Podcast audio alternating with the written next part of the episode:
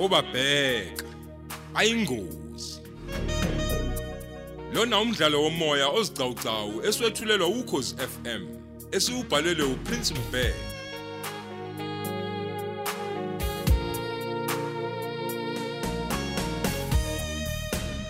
lesi isiqebu sethu samashumi amabili.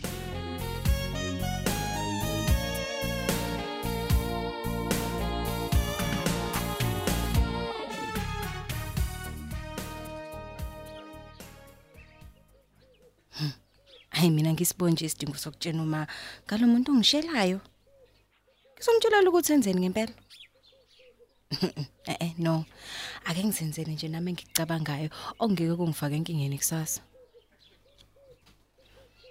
He, engabe icabanga intombi yamadoda. He, wazwajula ntombazane, kwenze njani? Ey, awazi yazi wena ma, awazi inhliziyo yami ijabule nje namhlanje. Hayi bozinhle yini ngiphuthume bo. Hey, wema, wema. Singasakubambile umoya wena sekungena uthisha omkhulu esilethele imphumela. Hayi bozinhle. Hayi uthe lapha ke sesho ukuthi phela imini ohambe phambili. Hayi. Kwaduma ihlombe kwaduma izandla eklasini bungabona. Hayi kanti kufanele ujabule kanjena mntanami. Yabona igenge yeningi esiqedile matriculation ayasilutho manje. Angazi ngempela ukuthi kanti kufundwani lapha esikoleni manje. Ey Nkosi yami ma. Kungcono ke ngoba nje akekho umuntu ongumndeni walapha kule ndawo. Hayi akukho ngisho isihlobo esisaziyo. Hayibo uzofunda nje ungaphazanyiswa yilutho mntanami. Hawu kanti mabe bezokwenzani? Uwe bebe khona. Kwaphela ngicabanga ukuthi nje hawu kuhle nje ukuthi kube khona umuntu wasemndenini oseduzana. O- Owezinto eye ukuba nomndeni oseduze kubi futhi kuhle sisi. Impela hey usizo wona uma usenkingeni. Kodwa la umubi khona umndeni awufuni ukubona umuntu enento enhle yena abangenayo. Ey ma, ey wema umona Nkosi yami. Hayi. Hayi avungafuni futhi ukugudluka emntwini. Hey inkinga leyo nto ngani yami.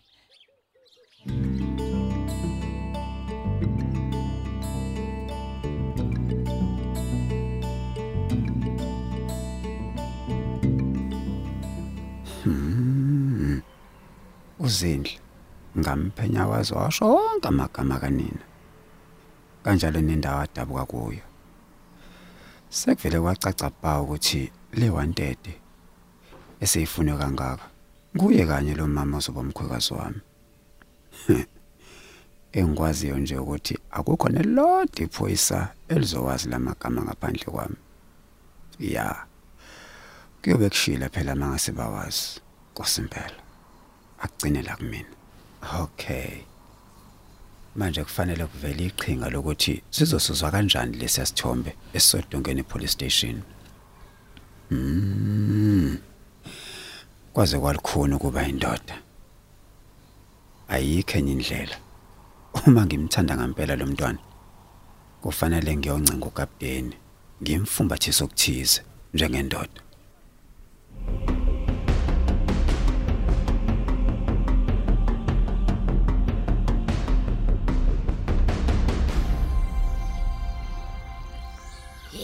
kaze ngamqambela umama ngamadoda.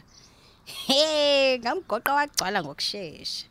Habe, phela sekukhona thina ozinhle manje hawu. Simamathe kobusuku nemini siphethe umzilikazi kamashobane. Hey, ayasazi. Kuyoqhuma nhlamvanye ezinye ziyofekela.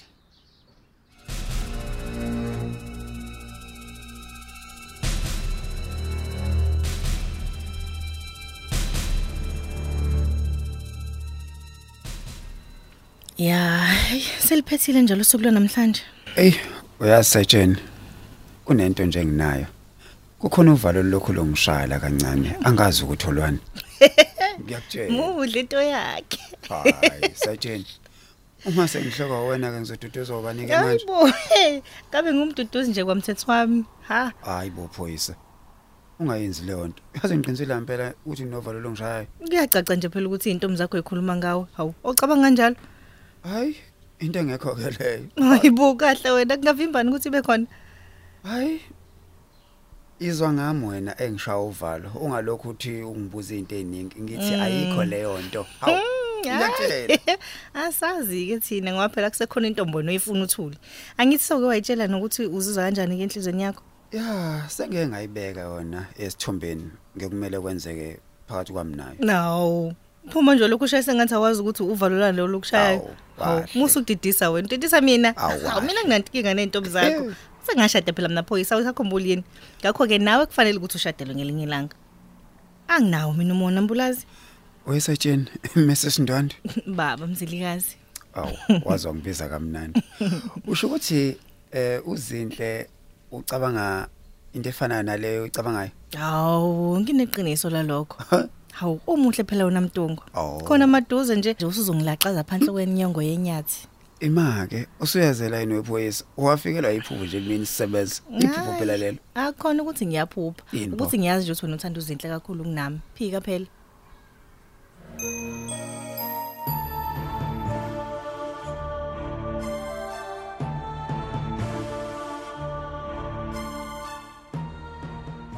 hawu wezinhle yama.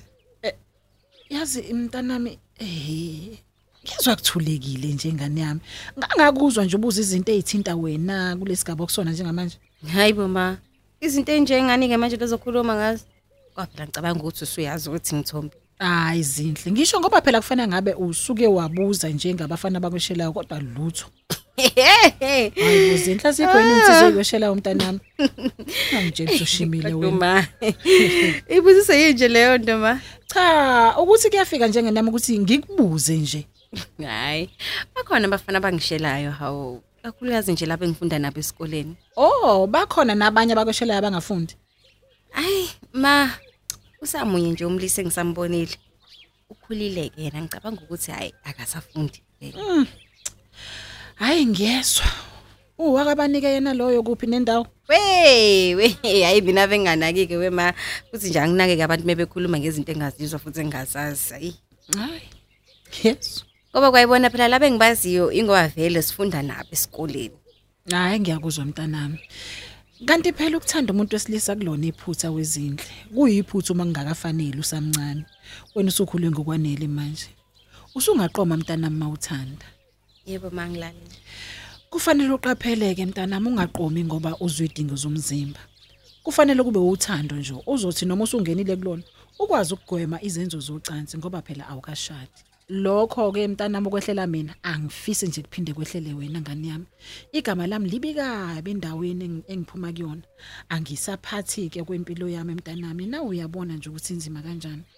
Heyi ngiyezwa ma. Yazi nje kuyinhloso yami ukugwema lesimo esakwehlela. Nginesifiso esikhulu nje sokuziphatha kahle. Angazi noma kuyowenzeka yini. Awu mntanami. Amnandi lawo magama. uNkulunkulu kuphele kumele simethembe ngani yami. Into kufanele uyiqikelele kakhulu ukuthi ungavumi ukulala nomfana ningashadile. Noma ngabe kuthiwa nje useqalile ukukulobola kodwa nje ungavumi emntanami akulinde umshado. Yebo ma wami futhi kuyoba kuhleke ukuba nihlole igazi nje ngaphambi kokuba nihlangane ukuze nihlele nithembane emshadweni wenu zinhle. Eyi uqinisile ma. Eyi abantu baphelile la ngaphandle amagciwane. Hayi mina zindla ngeke ngize ngidlale ngawe ngani yami. Fanele ngabe ngiyakufundisa ukusoma ukuthi nje nokuthi intombi lala kanjani nesoka. Mm. manje ke hey nami into engingayazi ke leyo nokuthi yenziwa kanjani. Akekho noyedwa umuntu emhlabeni owake wangitshela ukuthi intombi esathanda ukugcina umntombi bayilala kanjani nesoka. Mm. ngaleyo ndlela ke ungayizamela nje nawe ukuthola kwamanye amantombazane ngani yami. Ukhethe lawo nje nawe wabona ukuthi ayiphethe kahle. Ungabi nabangani abahlala bekhuluma ngabafana ngamyami bekhuluma nezindaba zocansi. Hayi ngiyezwa ma. Zama ngempela mntanami ukuyiqhelanisa nabantu abanjalo. Ngoba nawe uyogcina usufuna ukulala nabafana ngenxa yezinto ezingayindawo nje abaxoxela zona.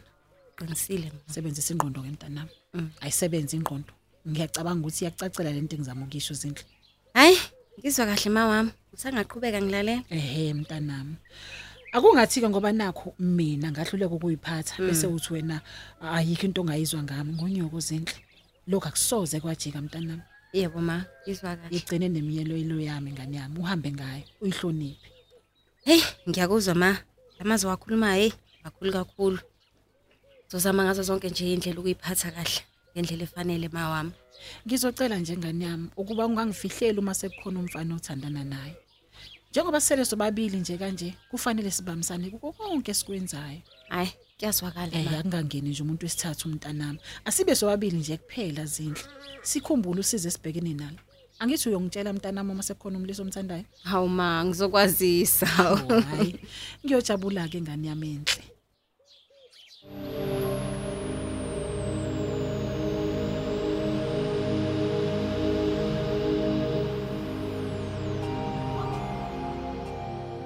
Leli phoyisa lifihla induku emqubeni.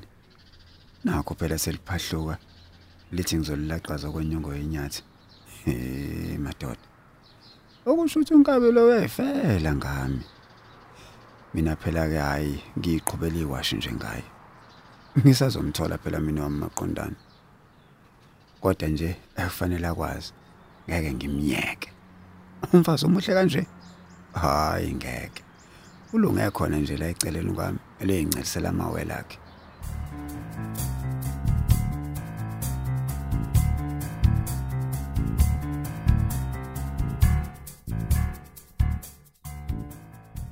uyaphila ke kodwa zinhle nkosazana Hayi ngiyaphila wena.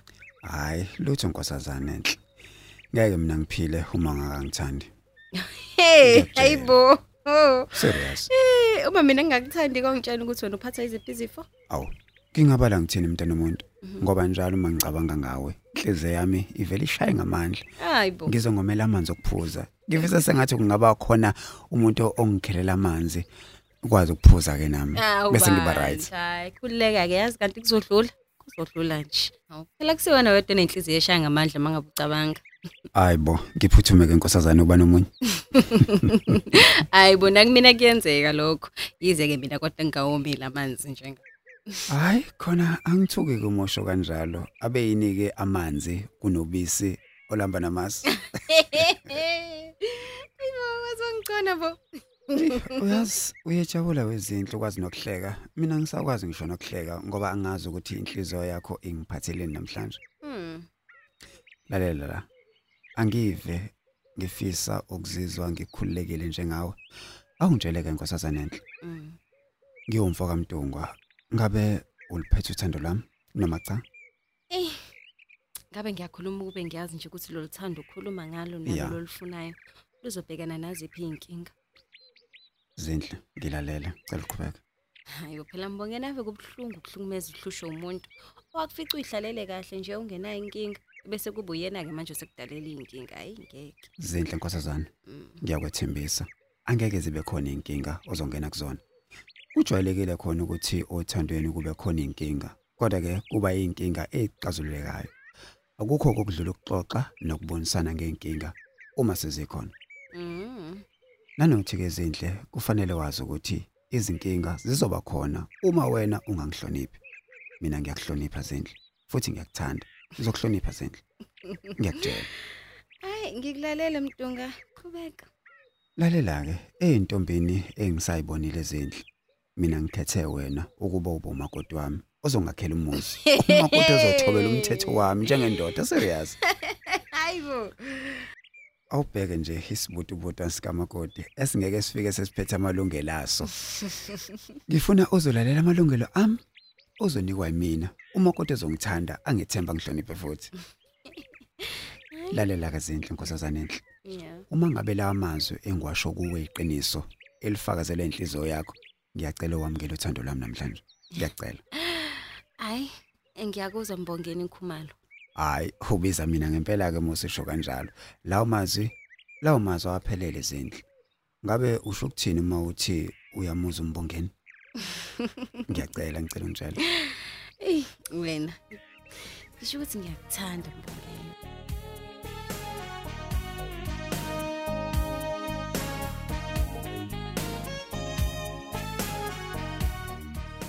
Siphela lapho ke isiqephu sethu esethulelwa ukhozi FM esithi obabheka bayingozi.